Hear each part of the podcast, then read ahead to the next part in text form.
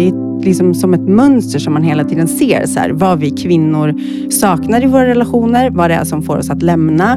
Det är nästan copy-paste liksom ibland. Att man bara säger, oj jag har hört den här stor, historien så många gånger förut. Ja, men han hör inte, han lyssnar inte eller vad, det nu kan vara för någonting. Och då, det har blivit, en känt en frustration. Så här. Men om alla kvinnor tycker, liksom, nu generaliserar jag för det måste man göra, likadant. Vad är det som gör att män har så svårt att förstå oss? Är vi så jävla dåliga på att uttrycka vad vi vill? Eller är de så dåliga på att lyssna? Eller liksom, var, vart går det fel? För forskning stödjer det här också att kvinnor mår eh, sämre utav slitningar i relationer och sånt. Män mår inte lika dåligt i en, en dålig relation. Liksom. Och då känns det lite grann som att så här, ska man då lägga på ännu mer ansvar på kvinnor som tycker att de har liksom så här, men påtalat hela tiden vad de vill och allting så här. Utan då tänkte jag så här, men då kanske det är bättre att försöka prata med männen. Ja, den beskrivningen jag hör från Fi här den känner jag igen otroligt mycket. Att man ofta får höra samma story fast i olika variationer från kvinnor. Om att de ibland slår huvudet blodigt med att försöka kommunicera med sina partners men att man liksom ändå inte riktigt når fram. Ofta landar ju ändå diskussionen i att kvinnor ska släppa kontrollen eller inte förvänta sig så mycket. Men var ska ansvaret egentligen ligga? Ja, Fi skriver ju om det i sin bok Big Dick Energy som är den ultimata guiden till vad kvinnor vill ha. Och många av er som lyssnar känner säkert till Fi sen innan eftersom hon är en välkänd profil inom jämställdhetsfrågor. Och utöver att prata om hur män på ett bättre sätt kan tillfredsställa sina partners i sina relationer så pratar vi också om hennes resa till att landa på den plats där hon är idag. Den handlar bland annat om att tröttna på gamla strukturer och lämna dem. Men också om att utmana normer på olika sätt. Med andra ord, ett avsnitt med massor av bra innehåll. Och innan vi drar igång avsnittet så vill jag precis som vanligt tacka min fantastiska sponsor Excitec. Men nu kära lyssnare, precis som vanligt, rätta till lurarna och dra upp volymen. För här kommer ett avsnitt med Fi Lindfors.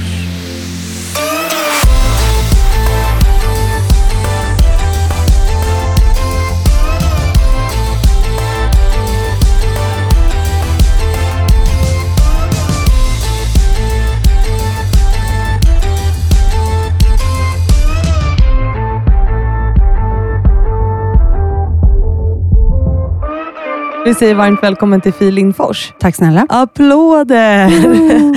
Jag känner lite så här, det här kan ju gå åt helvete eller så kan det bli jättebra. ja, alltså våra sittningar, som i och för sig inte har varit med mikrofon framför sådär ofta, Nej. de kan ju spåra ibland. Ja, de kan ju det och mm. vi känner ju varandra liksom privat också. Vi har ju mm. börjat lära känna varandra genom sociala medier. Exakt. Så jag sa, nu ska jag intervjua Fi och så ska jag gå in i något, det blir lite konstigt att gå in i någon så här proffsig men jag, tror, jag, jag, tror på dig. Jag du tror, tror på dig. Du, du ja. gör det, ja, vad bra. Ja, men vi förvarnar eh, lyssnarna om att ibland kan ju du och jag spåra ur lite, men jag tänker att vi ska försöka att hålla oss till spåret. Jättebra. Eh, men det är jättekul att ha dig här. Alltså, vi har ju pratat om det här länge, att du ska vara med i podden. Ja, men eller hur. Ja. Och sen har det liksom inte blivit av. Nej. Det blir ju lätt så.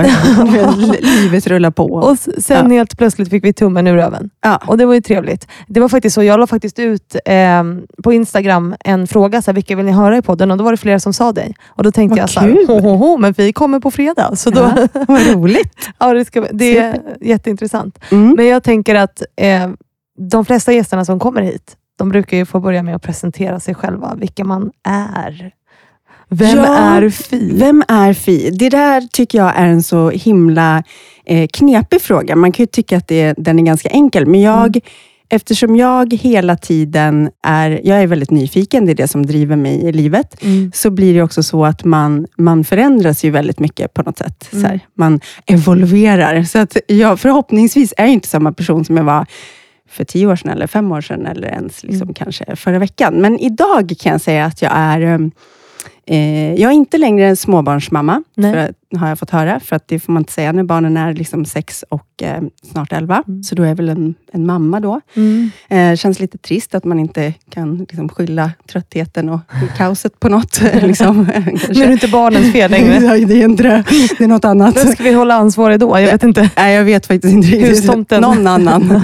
Någon vuxen. Ja, precis. Och sen så um, kan man väl säga att idag så är jag ju också författare. Mm. Det är jag väldigt stolt över. Det har jag väntat på att få bli sedan jag var typ fem. Ja, det är en dröm du har haft Ja, väldigt det länge. är ju det. Eh, Mm. Jag ville bli Olof Palme, författare eller advokado. Advokado. Ja. alltså advokato. Exakt. Så att, eh, en av tre, En av tre, vid, vid liksom en sorts eh, 40 plus eh, ålder. Det är ändå ganska bra. Det hade, det hade ju varit svårt för dig att bli Olof Palme, tänker jag. Ja, i och för sig. Den faller lite faktiskt. Ja, fast du hade ju kunnat bli Magdalena Andersson. Det hade man kunnat bli. Det är också ett tecken på hur viktigt det är med förebilder. Jag tänker att Exakt. det fanns någon dröm av dig, för dig att liksom bli statsminister och, Ja. och jobba med politik. Ja, Och då blev det Olof Palme för det var det du såg framför dig. ja, lite så. Så därför är Magdalena Andersson viktig, tänker jag. Absolut. Det är alltid så. Det är ju fantastiskt med representation såklart. Mm. Det är ju jätteviktigt. Mm. Men jag skulle säga att eh, ja, men det är väl två saker. Jag började med mamma också för att det känns eh, viktigast. Mm. Och Sen så vill jag också ta upp att jag är vän. Jag är vän till dig Mm. och, eh, och väldigt många andra relationer för mig är liksom de, eh, det viktigaste i mitt liv. Det har inte alltid Mm. varit så. Och också eh, ja, men just det här att jag skriver författare, skriver väldigt mycket om allt som berör mig och upprör mig också. Mm. Alltid varit väldigt engagerad i eh, rättvisefrågor. Mm. Eh, allt, från, men allt som har med orättvisa att göra har liksom gjort mig väldigt upprörd ända sedan jag var jätteliten. Och sen så vill jag, brukar jag när jag säger vem är du, alltid ta liksom jobbet nästan sist. För att eh, för på något sätt så är det, vi börjar alltid med det så här, men jag är advokat. Så här, Mm. Då är det det som definierar en. Mm. Eh, och jag försöker tänka lite tvärtom. Eh, Jag hoppade av eh, min karriär, egentligen kan man säga, eh, inom näringslivet för, ja, vad blir det nu, 2020, Mm. tre år sedan. Mm. Och ja, men satt i affärsledning, eh, jätteroligt. Eh, kommer från en nordisk koncern inom underhållningsindustrin senast. Jobbar jättemycket med digitalisering och kommunikation. Och eh, branding egentligen och tycker att det är jätte, jätteroligt. Men, men kände liksom till slut att eh, jag eh, vill ha mer tid med mina barn. Mm. Så att, eh, då hoppade jag av och Var- sen så kör jag eget. Mm. Så kör du eget och då är du liksom, vad, vad ska vi titulera dig som influencer? Eller vad kallar vi det som du gör? Ja, alltså på ett sätt så blir det ju lite så att det var väldigt länge som jag höll den här titeln influencer borta, Mm. för att jag tyckte liksom inte att jag kunde identifiera mig med det alls. Nej. För mig känns så influencer att man har så dagens outfit kanske, eller Mm. att det handlar liksom om, om något som jag inte är särskilt bra på. Men jag har liksom börjat anamma den mer och mer. Det är väl jättefint att kunna få vara en människa som influerar andra människor. Jag tror att jag har skrivit att jag är influensa på min, på min Instagram, bara för att vara, inte helt liksom, köpa titeln rakt av. Men allt ifrån kanske opinionsbilder har jag hört lite. Och sen är jag ju mycket ute och snackar och talar. Mm. Och sen så ehm, eh, såklart så konsultar jag också inom just eh, marknadsföring främst. Mm. Ehm, mycket sånt, strategier och planer. Och hjälper kommunikation. företag med sånt. Exakt. Sånt som jag är dålig på. Jag har aldrig några strategier överhuvudtaget. Ja. Men du influensar ju inom liksom feminism och jämställdhet. Det, det är ju ditt fokus, tänker jag framför allt. Ja, men det är det absolut. Jag tror stenhårt på att man, liksom, det är en kombination utav att gräva där man står, för Mm. det är det man liksom kan och det man kan utgå ifrån. Det är ens egna erfarenheter Mm. och det kommer alltid finnas människor som har liknande erfarenheter som, som man liksom kan nå, ja, vara relaterbar för. Men sen i kombination just med den här nyfikenheten, att, att försöka lära sig så mycket som möjligt om andra människors upplevelse och vardag. Liksom. Mm. Mm. Vad, var det som, vad var det som gjorde att de här feministiska frågorna blev viktiga för dig? Alltså, för du, du växte ju fort. Du, visst var det för att du la ut en bild på din mage när du hade fått barn och sen bara blev det viralt? Ja, alltså man kan ju tycka att så nu att det inte alls är något konstigt att se liksom en, en, en efter graviditetsmage. Men då var det det och det var ändå relativt sent, för det var efter min, min andra dotter. Mm. För eh, jag jag fick min första dotter 2012 och hon, var, ehm, hon var rätt sjuk när, när hon föddes, så att vi spenderade jättemycket tid på sjukhus första två åren. Mm. Och då tänkte jag, jag tror inte ens att jag såg mig själv i en spegel. Och så blev jag så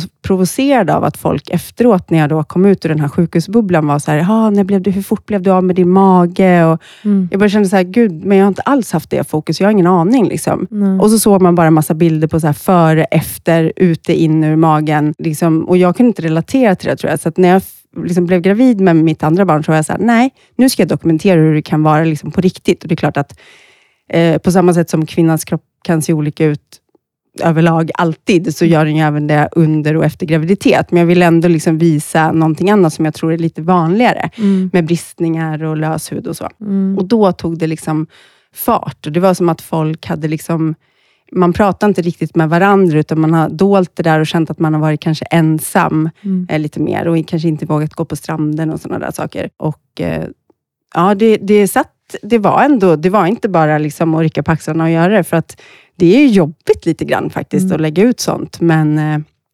kände att jag behövde ta en för laget. Ja, förlaget. Det, det blev ju väldigt uppskattat. Mm. Alltså att folk, folk gillar ju när man visar upp det där på något sätt. Och Du har ju valt flera, så du är faktiskt med i min bok. Inte med namn, Ja. eh, tyvärr. För, för min förläggare och redaktör ville inte att jag skulle ha så mycket namn med. jag förstår.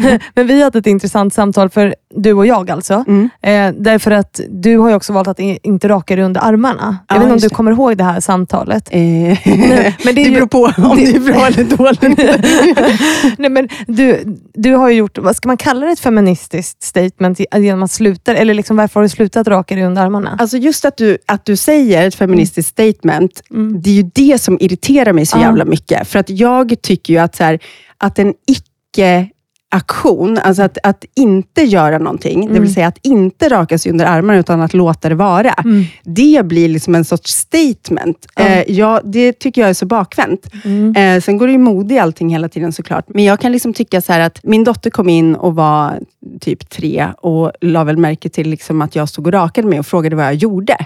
Och det blev bara en sån här, ja vad fan gör jag? Ja. Varför? ja, jag håller ju på med det där och raka mig och sådär. Och jag Ja. får liksom, fick utslag och jag har så känslig hud och så blir det stubb och så ska man hålla på och tänka på det. Och bara så här, nej, och då kände jag bara så här att, nej men då slutade jag. Jag vill liksom, jag vet inte, jag vill inte, jag har ingen bra förklaring till mina barn och då känner jag bara så här, nej. Nej. För att det här med att det skulle vara fräschare, eller så här, men jag känner mig fräsch då. Så här, jag förstår att det är folks upplevelse och, all, och eh, många brukar säga till mig, så här, man, men alla får göra som de vill. Mm. Fast min fråga är, får vi verkligen det? Ja. Bara, det var ju bara några år sedan som det var en kvinna i Melodifestivalen som satt och sträckte upp armarna Mm. och blev liksom skammad i, om det var TV eller om det var faktiskt press, tror jag. Så att även om man liksom teoretiskt liksom, eh, kan göra som man vill, Mm. så blir man ju eh, socialt skammad om man liksom kliver utanför Mm. normen på något sätt. För jag har ju också fått så här glidningar, så här, dags att raka sig under armarna. Mm. Men när man då ställer frågan,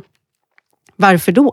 Ja. Då blir ju folk väldigt ställda. Så här, ja, men för, för, att man, vadå? för att man gör det. Ja. Så här, varför då? Ja. Så gör du det, liksom, Hasse? Det här är så kul, därför att vi, eh, nu ska vi inte kalla det feministiskt statement då, utan då ska vi kalla det något annat. Du bara rakar inte under armarna, punkt. Ja, Men- ja. Men samtidigt så visar du upp det liksom i sociala medier och så här, Ja. jag rakar mig inte. Mm. Eh, Och då blir det ju på något sätt ett statement ändå. Eh, Men, men det vi pratade om, det var just det här på gymmet. ja. Att du, att du så här, nej men när du kom dit, så bara, åh nej, då vill jag ti-" för då var det jobbigt helt Ja. plötsligt. För att där kan jag, alltså när jag lägger ut en bild på Instagram, Mm. då kan jag också ha en subtitle som är så här, till exempel det jag sa nyss. Varför rakar du dig under armarna? Så här, har Ja. du tänkt på det någon gång? Liksom? Eh, men när jag kliver in i mitt, liksom, jag, man ska tillägga också att jag går på så här, alltså jag kör kickboxning, så det är så här fighting gym.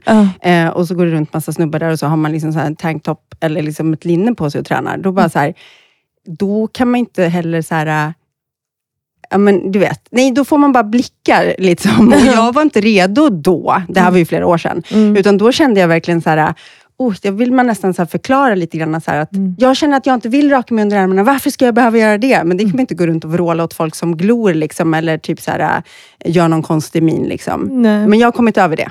Jag har kommit över det. Och hur kom du över det? För jag, Det här tycker jag är så intressant. att så här, Det är ju lätt att eh, i sociala medier att så här, ah, men nej, jag sminkar mig inte eller jag rakar mig inte under armarna eller vad man nu gör. Ja. Och, sen, och Det är ju lätt i teorin att säga att tjejer och kvinnor ska bara sluta sminka sig Ja, eller exakt. sluta bry sig om sina utseenden och så Ja.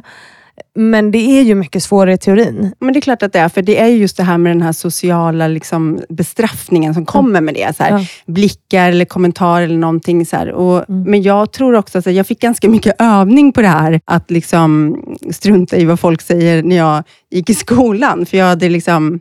Ja, men det tog ett tag att växa i framtänderna om man säger så. Och jag hade glasögon, äh, astma, kunde inte vara med och leka, vitt hår. Alltså, det fanns en lista, liksom, konstigt skratt. Så. Eh, och, Det var världens härligaste skratt tycker jag. Jag blir alltid så glad. Ja, det tog lång tid att börja skratta in Mm. public kan jag säga. För att det, var, det var en sån jobbig grej. Och liksom lite så här ärvda för små kläder. Liksom. Mm. Och då fick jag liksom vända på det. Att istället för att gå och skämmas så blev jag så här, aha, Mm. so what? Så här, jag ser ut så här, du vet. Mm. Och den attityden fick jag liksom anamma igen. Att så här, jaha, glo då. Liksom. Mm. Men absolut, det, det kräver ju lite. Liksom. Det är ju enklare att bara eh, göra som alla andra, såklart. Ja, alltså jag gör ju det. Jag sminkar mig, jag rakar mig under armarna och överallt utan att gå in på detaljer. Ja. Men liksom, jag Ja. gör ju det. Ja. Eh, Jag tycker att det, jag har ju en liten dubbelmoralgrej här, som Ja. jag kan erkänna nu. ja, gör det. Ja, det är första gången då som jag erkänner Ah. publikt. Det är ju att jag har lite svårt att låta bli benen. Att raka benen. Mm. Därför att, och jag vet faktiskt inte riktigt. Jag, nu kände jag precis, och då har jag ju inte gjort det på jättelänge. Så att, och jag har kjol på mig. Ja. Mm, så att det är inte så svårt uppenbarligen. Nej. Men det är en liten så här grej att jag tror att om jag skulle gå på liksom någon fest eller ha en klänning, Mm. så vi, ja, jag vet inte. Det är lite svårt kanske. Ja, men och visst är det svårt. Och, så, och jag intalar mig själv att men jag sminkar mig för att jag tycker att det är kul. För jag tycker att det är roligt. Mm. Men så här, varför tycker jag att det är roligt? Alltså Ja. egentligen. Och för vem gör jag det? Jag gör det för mig själv. Alltså det där är ju jättesvårt Ja, att förhålla sig till. Men jag kan ju också gå runt osminkad och skita i det. Liksom, ja. på något Jag, sätt. gör ju ofta, jag går ju ofta Mm. utan. Men det är också en sån här grej. Jag vill inte heller att barnen ska se att mamma måste sminka sig för att kunna åka iväg och göra något med dem. Nej. Eller så här, jag, jag kan inte följa med till badet för jag har inte rakat benen eller undra. Alltså det får aldrig begränsa mig i sånt. Utan jag är så här, ja, då drar vi. Och då råkade jag ha på mig liksom, kanske till och med pyjamasbyxor ganska ofta. Och Mm. typ en tröja och håret i en tofs, liksom, osminkad. För att jag, jag, jag vill liksom inte, jag vill inte ge dem det. Det kommer ändå, liksom, tyvärr. Mm. Så tipset är väl kanske att ställa sig frågan, så här, varför, varför, alltså för vem skulle jag göra det här? Liksom? Men när jag gör det och ställer den frågan Mm. i sociala medier, då får man ofta svar så här, "Ja, men det är för min egen skull, till exempel raka mig under armarna. Mm. Jag vill känna mig fräsch. Fast vem har sagt att det är fräschare? Ja. Alltså håret finns ju där utav en anledning. mm. Så här, eh, och visst, det kanske liksom lite obekvämt när det växer ut eller, eller så vidare, men liksom, man svettas ju mindre. Mm. Även om du upplever att det är tvärtom, men det är ju någonting som så här, eh, vi bara har blivit itutade. Ja. Det är ju, ja, så att, mm. Men, men så du har gått ifrån att ha ett ganska högt jobb. Ju. Du, har ju varit, Mm. du har ju verkligen suttit i så ledningsgrupper med kommunikation och ja. till att bara säga, nej men fuck it. Alltså jag vill vara med Ja. mina barn, men jag har också fått känslan av att det var andra saker som fick dig att vilja lämna. Alltså på ett sätt så, så kände jag också att när man jobbar i en sån miljö, nu så här ganska liksom, ja, gammalt bolag, och det är inte någonting att det skulle liksom vara eh, liksom sämre än något annat, eller att det är mycket bättre på andra ställen och så vidare. Det är nog väldigt varierat. Men jag kan känna lite så här att efter ganska många år i olika ledningsgrupper med liksom, ja, men gubbar helt enkelt. Så, så den liksom, men jag var lite less på det. För att från början också så känner jag att, det här är också en del i min så feministiska resa på något sätt, att från början för att få vara med i de här sammanhangen så kanske man skrattar lite åt skämt och Mm. eh, liksom försökte vara typ en av grabbarna och lite sådär. Eh, vilket alltid kändes så himla fel. Och det här var ju liksom väldigt många år sedan. Ja, för du var ju väldigt ung när du började. Ung, Ja. snygg, blond. Ja, Ja, förlåt. Så massa epitet som, liksom, som inte passar in i den världen. Förlåt, men det är ju verkligheten. Ja, men lite så. Liksom. Och, sen så, och det har ju varit mycket så här, lilla gumman och lite sådär. Men, men till slut så kände jag lite så att du, vet, jag fick liksom nog. Så sista åren, då var ju jag väldigt så här i de här rummen. Så här, Förlåt, nu pratade jag. Mm. Här, eller, eller åh, vad lustigt, för det var ju precis det där jag sa för tio minuter sedan. Ja. Så, här, vet, så då var det så här, ja men call them out. Mm. Och under hela den här tiden så hade jag ju också mitt konto vid sidan av, där jag lyfte de här frågorna och så. Men, men mycket liksom var tiden och lite att jag kände liksom att jag har ett sånt jag har en, en, liksom en stor kapacitet till saker Mm. eh, och blir jag engagerad i någonting så brinner jag väldigt mycket och är liksom väldigt passionerad. Mm. Och då kände jag så här, varför ska jag lägga den passionen på det här, liksom, och tjäna pengar liksom, till, till andra och visserligen till mig själv också. Den lönen hade man ju velat be- behålla Ja. ibland, Ja. när man är ensamstående med två barn. Mm. Men, men eh, jag kände bara att så här, jag, vill, jag vill liksom göra skillnad. Jag är en idealist. Ja. Alltså jag, jag. Hade jag haft obegränsat med pengar så hade jag liksom blivit filantrop. Det är mitt drömjobb. Och gjort vad då? Nej, men bara gjort gott. Liksom. Ja. För du har engagerat dig en del i politiken också, eller hur? Ja, jo, men jag älskar ju politik. Mm. Alltså jag tycker att det är väldigt intressant och väldigt spännande. Och eh, ja, men försöker, min, hela min grej och mitt kommunikationsgrepp, oavsett om det handlar om marknadsföring för att eh, marknadsföra någon produkt eller vad det varit liksom mina, i, i yrket, Mm. så känner jag att, eh, att förenkla saker. För att jag tror att det ofta kan bli så att ehm, jag ska inte säga att, eh, eller förenkla, göra det lite mera liksom, eh, tilltalande Mm. och lite mer lättsmält. Eh, det, är- det är få människor som har kanske tid, ork, lust att läsa ett A4, men om man kan koka ner saker, så det har jag ju försökt göra väldigt mycket så här, inför val och sånt. Att så här, rösta på vad ni vill, men, men se till att rösta. Det är jätteviktigt. Liksom.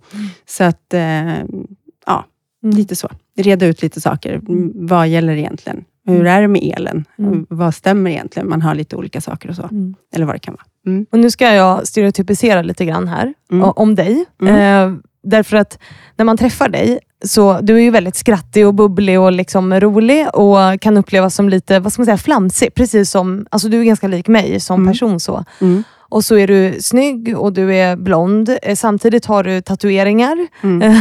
och rakar inte under armarna. Ja. Eh, men jag tänker att det här flamsiga och liksom ditt yttre på något Mm. sätt går lite emot det som du faktiskt är som män. Alltså när man lär känna dig liksom, Mm. så är du väldigt reflekterande, du är otroligt smart, eh, du är väldigt insatt i så. Alltså jag, när jag Mm. pratar med dig ibland så bara, hur vet hon det där? Alltså, hur kan hon det? För att det går lite emot Ja. din, din yttre image. Ja. Förstår du hur jag... Nu stereotypiserar jag. Ja. Eh, verkligen. Eh, för att försöka sätta dig i ett Mm, fack mm. som du sen bryter mot.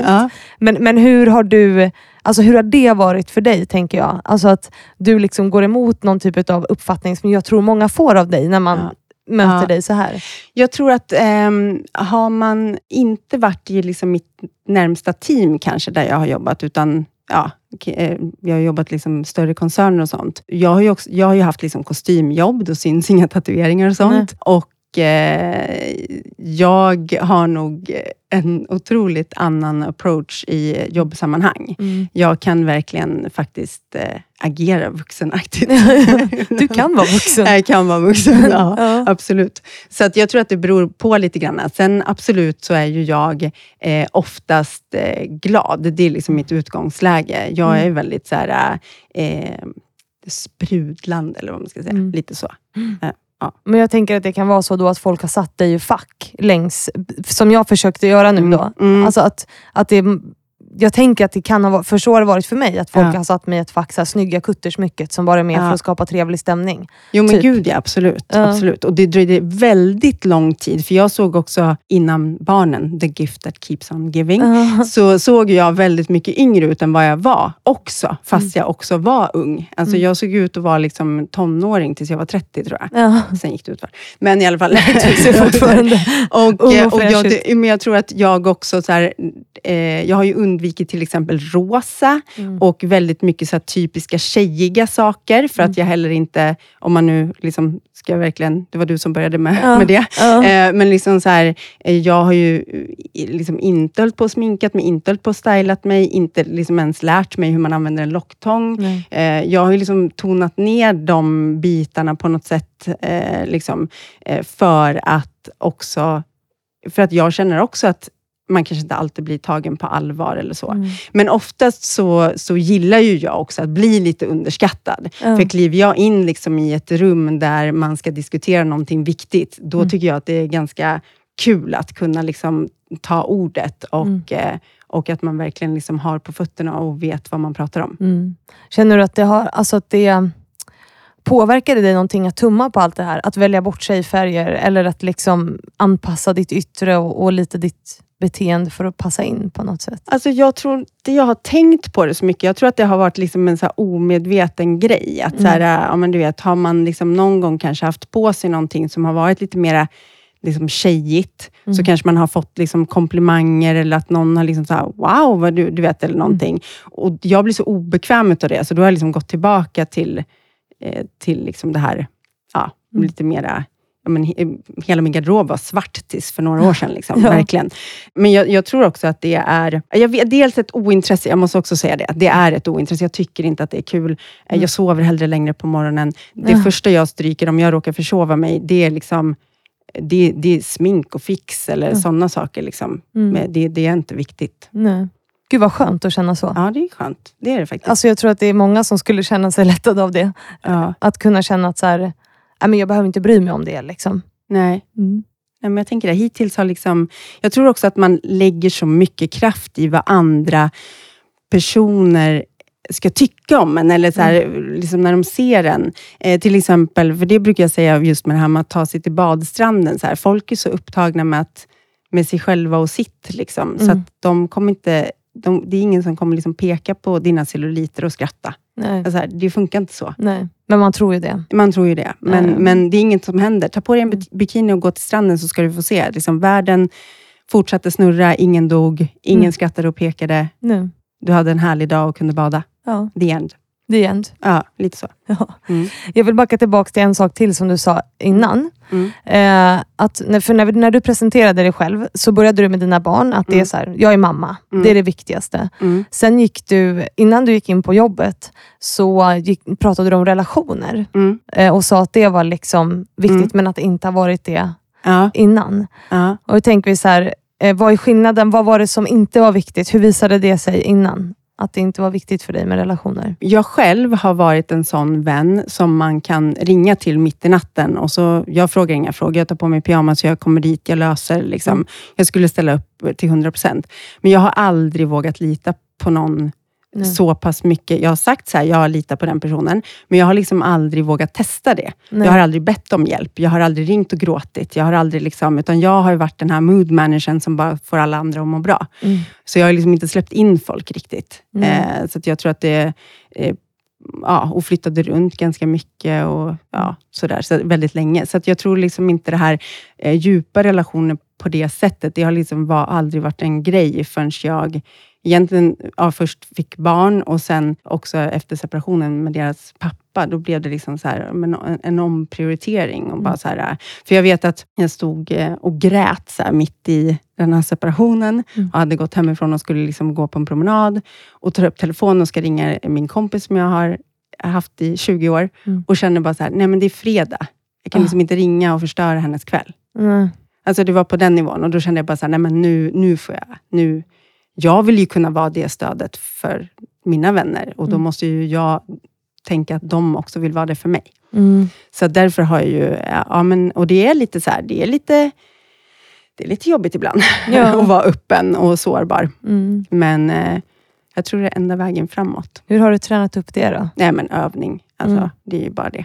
Man får ju bara öva, öva sig. Utsätta sig för det. Ja, verkligen. Men hur väljer du dina relationer idag då? Ja, men jag har blivit väldigt mycket mer selektiv och det säger väl kanske de flesta, liksom att man blir också med åldern. Mm. Men samtidigt så kan jag känna på ett sätt att jag träffar så otroligt mycket härliga människor Mm. och speciellt kvinnor som jag bara, eh, ja, men, jag tycker senaste åren också har jag träffat jättemycket så här härliga.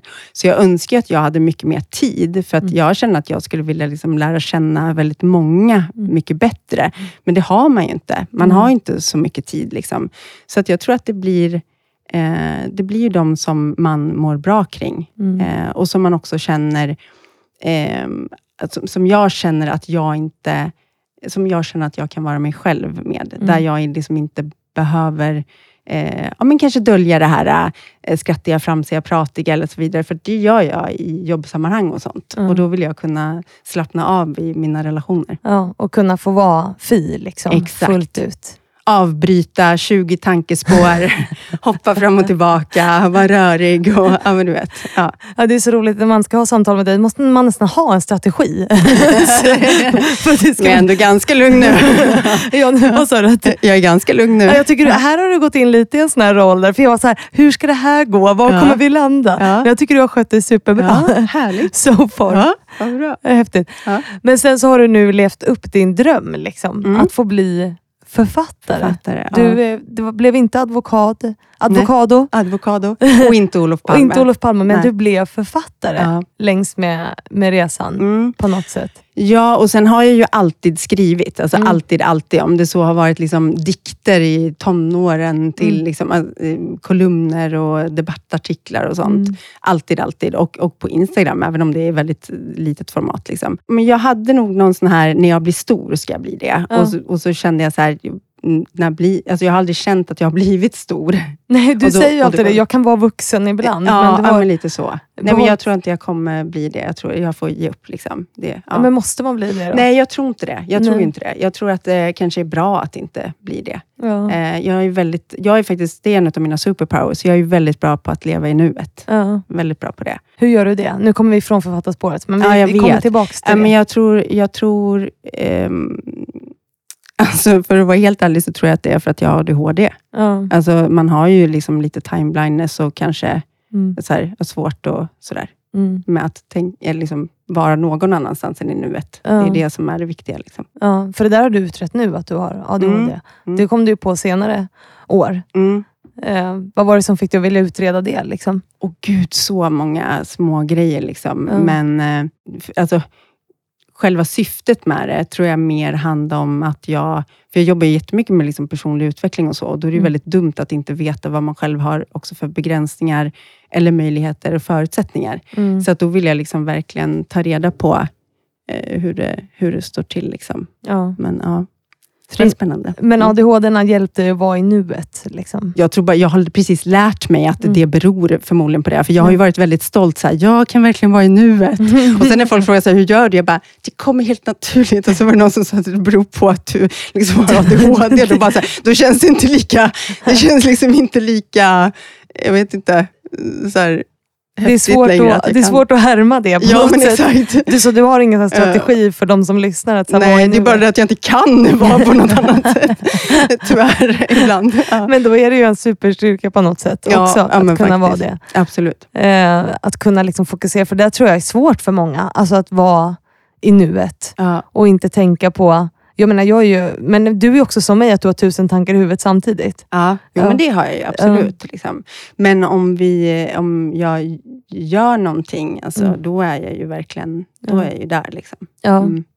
Ja, det blev ett sidospår Mm. från författar, Ja, författarspåret. men, eh, men ja, och, och ehm, jag tror att eh, ja, men sena, senaste åren så har jag verkligen känt så här, men nu, nu eh, liksom det har kokat lite bokidéer och sådär. Mm. Och eh, jag tror att, eh, ja, men jag har fått många frågor också, så här, när ska du släppa bok? Och kan du inte göra liksom din Instagram fast liksom som en bok? Alltså Ja. de ämnena, men liksom bygga ut till en bok. ja. Och det har ju varit någonting som jag har tänkt att jag skulle göra. Mm. Men så känner jag, har jag bara känt så här, det har växt liksom mer och mer. Dels så här, kanske min egen separation från barnens pappa.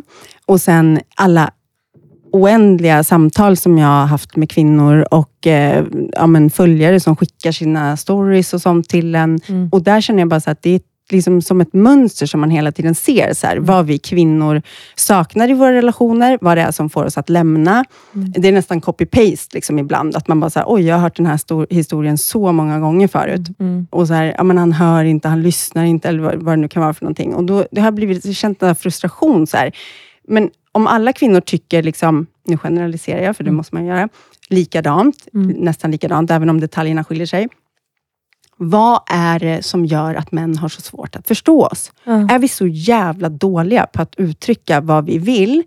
Eller är de så dåliga på att lyssna? Ja. eller eller liksom, var, vart går det fel? Ja. Och då kände jag lite grann att, så här, att på något sätt så känner jag lite att om det för, för forskning stödjer det här också, att, att det är eh, kvinnor mår eh, sämre utav slitningar i relationer och sånt. Mm. Eh, säm, alltså de mår mycket sämre. Män mår inte lika dåligt i en, en dålig relation. Liksom. Och Då känns det lite grann som att, så här, ska man då lägga på ännu mer ansvar på kvinnor som tycker att de har liksom så här, men påtalat hela tiden vad de vill och allting. Så här. Utan då tänkte jag så här, men då kanske det är bättre att försöka prata med männen. Ja. Så att, eh, samla något sorts så här kollektivt, så här, så här fungerar, fungerar kvinnor. Då var tanken att det skulle bli liksom någon sorts instruktionsbok över kvinnan. Så här, how to. Det här är, liksom, det här är manualen. Mm. Eh, men, men sen kom jag på att män kanske inte riktigt vill läsa instruktionsböcker så ofta.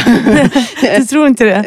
ja, det är en känsla jag har fått. så då, och då kände jag lite så här, hur förpackar man det då så att det inte känns så här som pekpinnar eller här kommer jag liksom med slag i huvudet eller ni är dumma eller någonting sånt. För att någonstans så handlar det ju ändå om att så här, jag, min högsta önskan det är ju liksom att, att ja, men alla de här kvinnorna som jag pratade med, att de ska liksom ha, vara i lyck- lyckliga relationer. Eh, och för det krävs det ju liksom att, så här, och då blir männen även lyckliga. Alltså jag tycker liksom att vi, så här, vi är så långt ifrån varandra, så här, hur kan vi mötas? Och då tänkte jag att de kvinnor då klagar mycket på att liksom män inte förstår dem. Vad är det män tycker är jobbigt i relationer då? Ja, men det är ju kanske att kvinnor tjatar. Det blir ju liksom moment 22 där. Ja, och lite så, ja men precis. De Ja. tjatar, de kanske har huvudvärk lite ofta. Typ de vill inte ligga. Ja, ja, men lite så. Och nu, återigen, så här, i mitt grepp för att nå ut med saker är ju ofta humor. Mm. Så att man får liksom verkligen känna att det är, så här, det är generaliserande och det är humor, men det Mm. finns ändå korn av sanning i det mesta som är också, vad ska man säga, klyschor eller vad man, Ja. Alltså det är ju det, eh, och folk kan känna igen sig i det. Så då, då blev det liksom någon sorts så här, eh, Big Dick Energy, Ja. heter ju boken. Ja. Eh, Den ultimata guiden till vad kvinnor vill ha. Och big, med det här, den här titeln, Big Dick Energy, så det, liksom för mig är det könlöst. Det handlar om att vara en människa som verkligen så vill stå i sin egen sanning. Mm. Eh, man vill reflektera över vad man vill vara för sorts människa. För partner, för förälder eller vad det nu kan vara, olika vän. Mm. Och att man verkligen liksom tar ansvar för sin del i relationen. Mm. Ett emotionellt ansvar. Och det har jag pratat jättemycket om, och du med. Att så här, det är ju, kvinnor tar ju Det. eh, det ansvaret oftast. Mm. Men jag kände också det här med att det kräver också lite big dick energy för, Mm. att, för att eh, vilja läsa boken, eller kunna läsa boken Ja, jag också. kan tänka mig det. Ja, men lite Ja. så. Men jag vill inte att det heller ska kännas som att så här, här får du den här för att du, du är dum och du förstår inte mig. Så ska det inte vara, utan det handlar ju liksom om att jag vill att det här ska liksom någon, på något sätt vara liksom en liten så här peace offering, eller Mm. någonting som kan brygga glappet mellan kvinnor och män på något sätt. Mm. Och jag får ju väldigt mycket nu. Det är superkul att få liksom feedback och eh, recensioner och Mm. folk som har läst boken, så känns det som att det har landat så. Mm. Någon har skrivit liksom också att de läser den tillsammans med sin partner. De läser ett kapitel per kväll och så diskuterar de det och typ Mm. skrattar och mm, liksom tycker att vissa saker är lite knäppa om vartannat. Liksom. Mm. Så att jag tror att, ehm, ja, jag hoppas liksom att den kan hjälpa till, för det var det som var det är det som eh, var liksom min intention. Inte att liksom ha för att slå någon i huvudet med. Nej. Men hur får man Big Dick Energy då? Vad är liksom steg ett, tänker du? Ja, men allt det här skriver jag ju såklart om i Ja, boken. precis. Men, får jag skulle, liten jag skulle säga, okej, teasern är steg ett. Köp boken och läs den. Ja. Reklam! Nej, men varför är det så svårt? Det kan man känna. Jag, jag själv har ju ingen relation för att jag typ orkar inte. Men, men, men att liksom, jag får ju också samma stories från kvinnor Ja. hela tiden. Som bara slår huvudet blodigt. Och vi pratar om den här frågan. Jämställda relationer. Det har effekter på ekonomin. Effek- alltså så här, ja. det, det handlar inte bara om att vi ska må bra i våra relationer, utan att när, när vi inte gör det och när vi fortsätter leva med den här typen av relationsmönster som många har, så drabbas ju kvinnor på så många sätt. Alltså Absolut. ekonomiskt, eh, hälsomässigt, kvinnor bränner ut sig. Alltså så här, vad är det Gud, som är så jävla svårt? Ja. Nej, men det var det som jag kände lite grann. Jag tror att eh, så här, den vanligaste, eh, det vanligaste, om man säger eh, kommunikationsmissen mellan, mellan män och kvinnor, skulle jag säga, om man hårdrar det. Det är lite så att eh, kvinnor ofta vill att män ska förstå utan att de ska behöva säga något. Mm. Och män vill ofta att relationsproblem bara magiskt löser sig utav sig själv, utan att de ska behöva göra något. Mm. Det är så här en, en liksom, generell typ liten regel. På Ja, något vi sätt. generaliserar, Ja, det får man göra. Ja, och jag tror att det jag gör i boken också, Mm. det är att lyfta fördelarna för män. Alltså, jag har verkligen försökt att liksom gräva fram dem Mm. också och verkligen betona dem och lyfta dem och, och, och visa det tydligt. Eh, därför att jag tycker inte att vi pratar tillräckligt mycket om det, utan det handlar mycket om att så här, ja, men för det är schysstare, det är rimligare. Eh, vi har tjatat om, att, så här, om om det väldigt länge och man kan tycka så här, att om två personer väljer att bo tillsammans, vuxna människor, så är det ju så no-brainer att man delar lika på allting. Ansvar och vad man nu ska göra för någonting. Men det är ju inte det, för det är inte så det ser ut. Och då måste man liksom ta fram någonting annat. Och där känner jag liksom lite grann bara att jag har försökt att ta så här, ja, men lite exempel ur, eh, ur livet på något sätt. Eh, sammanfatta i så enkla bullets och gett liksom handfasta tips. Så här, Vad man själv kan göra för att ta ansvar i, i relationen. Så att jag, jag, ehm, mm, jag har kört liksom det spåret. Varför tror du, har du funderat någonting på liksom varför män inte vill ta det här emotionella ansvaret? Alltså, skriver du något om det jag pratar om? Ja, men det gör jag också. För att jag tror att så här, alla de här frågorna som handlar om... Eh, som det är inte för att män är elaka, eller den generella mannen, liksom, eller att han skiter i sin partner eller så vidare. Utan man måste liksom backa tillbaka bandet lite, vilket jag också gör i boken. Det är så här, vad har vi lärt männen? Lär vi ut empati, medkänsla, eh, omhändertagande, eh, liksom intimitet, närhet? Lär vi ut det till män? Ja, men vi kanske har börjat göra det nu. Men de män som, som är män idag och liksom eh, pojkar kanske till och med, eller kill, äldre killar, de kanske inte riktigt har fått det. Alltså den här mansrollen behövs ju liksom, beh- det behövs en ny och fräsch mansroll. Och jag tror att så här, det handlar liksom inte om att man inte vill, men man kanske inte har fått verktygen. Nej. Och det är det jag kände lite grann också, så att, att så här, nu säger inte jag att min, min bok kan förändra världen, men, men just att den kan förändra någons värld. Så här, kan man tänka på ett lite annorlunda sätt. För jag tror att det är det som är liksom, kommer inte det naturligt, man inte har det i sig, då är det liksom svårt att eh, bara, det är svårt att plocka fram det. Mm.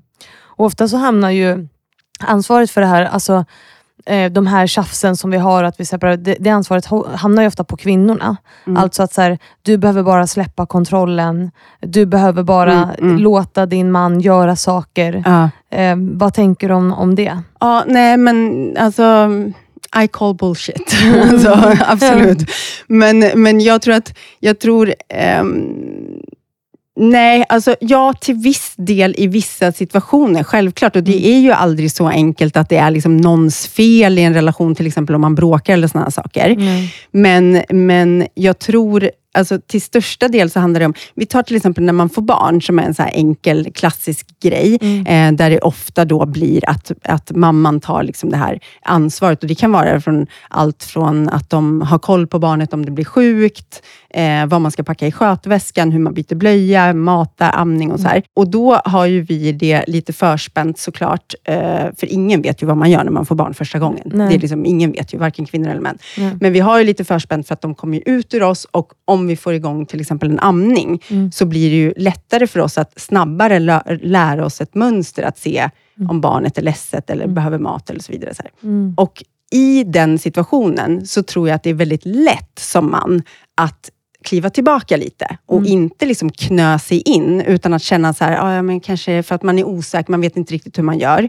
Men det vet ju inte kvinnan heller Nej. egentligen. Man får ju lära sig. Och där tror jag att så här, på samma sätt som att kvinnor då i den situationen bör släppa in mannen och kanske inte säga så här, ja men jag byter blöja för det blir bättre när jag gör det, eller har du, vet, så här, lägga sig i. För, det, för man får ju ett litet kontrollbehov. Jag kan känna igen mig jättemycket i det, att man, bara så här, man vill bara att allt ska vara perfekt för barnet. Liksom. Men det är heller inte kvinnans ansvar Nej. att tjata på sin partner för att vilja ta ett ansvar för barnen. Utan du måste ju liksom vilja det själv. Det är inte hennes jobb.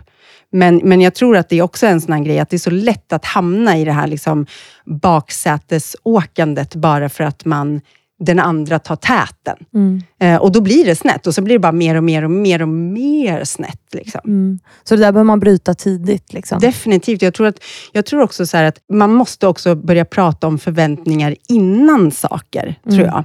Och där tänker man också så här, men det där bara, det löser sig sen. Eller vi flyttar ihop för vi är så kära. Liksom. Så har man inte diskuterat ekonomin och så vidare. Mm. Jag tror att man behöver ta de snacken liksom innan och också förväntningar. För att återigen, alltså, är vi liksom varken kvinnor och män, Mm. eller män är ju tankeläsare. Men jag tror att många kvinnor som jag pratar med är så här, ja men det förstår man ju att man gör på det här sättet, för det skulle ju jag göra. Så bara, ja fast delar han dina värderingar? Tycker Mm. han samma sak? Och det där, är ju, och där tänker jag man kan tänka utifrån näringslivet. Så här, hur jobbar vi med eh, värderingar? För det här var också något som min sponsor Excitec ville höra mer om. Alltså alla företag har ju så här värderingsord. Sen vet vi att alla lever inte dem, men Mm. så här, det är ändå en bra grundtanke Ja. att ha. Så här, det här är det vi står för. Exakt. Och så har man ett, ett mål. Så här, Mm. Hit vill vi. Mm. Eh, och ett syfte ofta. Ja. Varför gör vi Ja. saker? Eh, och det där tänker jag, skulle jag någon gång ingå i en relation, Mm. att man liksom bestämmer det tillsammans. Så här, och hur jobbar vi gemensamt mot det målet Ja. på något sätt? Men det, det tar jag också upp i boken, för där jämför jag just med att så här, ingen tycker att det är något konstigt att man har måndagsmöten på Nej. jobbet. Man har en affärsplan, man har kanske ett ettårsmål, en Mm. femårsplan. Mm. Man eh, kollar upp hela tiden hur företaget mår, man Mm. stämmer av, Mm. man kollar att man håller sig till planen. Mm. Eller hur? Och så Mm. kommer vi hem och bara lägger oss på soffan och kollar Netflix. Och Och så tror går att det lite liksom, som det går. Ja, så går det som det går. Och jag, Mm. jag liksom, det kan låta hur osexigt som helst, men jag tror att så här, kör ett måndagsmöte i relationen och Mm. stäm av. Ta tempen. Liksom. Hur mår du? Känns det fortfarande rätt för dig att vi ska göra det här, eller att vi har det på det här sättet? Eller hur man nu vill lägga upp det. Mm. Eh, sen pratar man ju kanske på ett lite annorlunda sätt och kan använda andra termer när man har liksom sitt relationsmöte. Ja. Men jag tror att det är så himla viktigt att tänka, för jag drar, drar liksom lite så analogier i boken också. Bland annat en som jag kan bjussa på. Det är så här, man, man köper, man hittar drömhuset. Det är Ja. liksom det mest fantastiska hus du någonsin har sett och du har råd att köpa det och bara, det är ditt. Mm. Och så flyttar du in. Så här. Det här är liksom då metafor för relationen, om Mm. det gick förbi någon. Och så flyttar du in och så lyfter du inte ett enda finger. Alltså du städar inte, du gör inga reparationer, du bara, så här, du bara låter allting... Till slut kommer det bara gro igen. Det kanske blir skador någonstans och till slut kanske du till och med får riva kåken. Mm. Eh, det, liksom, och det tänker jag att så gör vi med våra relationer. Mm. Jag har träffat min drömpartner, jag är så kär. Och sen så bara, du vet, läggs det lite stenar på hög. Han sa det, Mm. menar han det? Ja, jag tror att han menade det. Mm. Du vet, och det kan tyckas som att det är små saker men om man inte liksom rensar bort det hela tiden, då kommer det gro igen. Mm. Och till slut så bara får man flytta, ja. Mm. Separera helt enkelt. separera. Ja. Gör du det med din pojkvän? Har ni måndagsmöten? Vi har faktiskt det, inte Mm. riktigt just måndagsmöten, men så här, vi försöker ta en gång i veckan. Mm. Där vi bara så här, lugnt och skönt, man måste liksom vara in the mood. Det får inte liksom vara så stressigt liksom över frukost eller att man ska någonstans. Utan Mm. så här, man verkligen så tänker efter och så bara så här, är det någonting litet som skaver kanske? Och Det kan ju låta lite konstigt att man försöker gräva upp saker. Mm. Så här, eh, jo, men när du sa det där så tänkte jag lite så här. Mm. Men jag tror att det är så himla viktigt för att Dels lär man sig själv att känna efter verkligen. För jag har verkligen en tendens att vara så här, äh, hon var säkert bara på dåligt humör eller han var säkert bara trött eller du vet om någon har snäst eller sagt någonting. Liksom.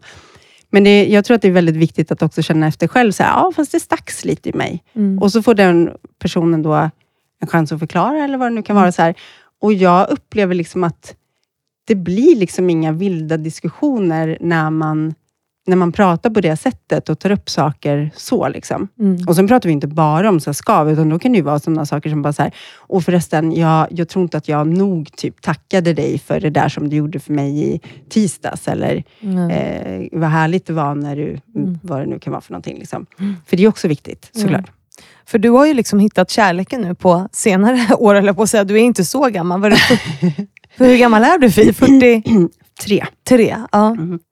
Eh, Och, hur var det? För att det är ju helt jättehärligt. Ja, eh, ja, men jag kan nog säga att ehm, eh, ja, men jag har väl, jag tror, eller jag skulle säga att jag aldrig haft liksom, en vuxen kärleksrelation innan. Nej. När jag, när jag liksom tittar tillbaka. Jag har väl kanske trott det ibland, Mm. så, men, ja, men det var väldigt annorlunda för att jag eh, eh, jag gick liksom inte och shoppade hungrig, om Mm. man säger så. Jag så här, mina barn, vänner, alltså trivs med livet och bara var väldigt nöjd med att bara vara singel och bo själv och liksom allting. Inte alls i behov av någon, liksom, utan jag jobbade bara på mig själv. Mm. Men sen så tänkte jag att så här, ja, men om jag skulle träffa någon, då ska han vara så här omöjligt bra. Och Mm. liksom verkligen så spesade ner något som var liksom unreachable nästan. Mm. Och sen dök han upp. Och så var jag väldigt skeptisk. Jag höll mig väldigt så här, hmm, jag ska inte missa några jäkla röda flaggor nu, för man har ju en tendens att bara så här, ja ja, det där var inte så farligt, eller Mm. du vet, lite så.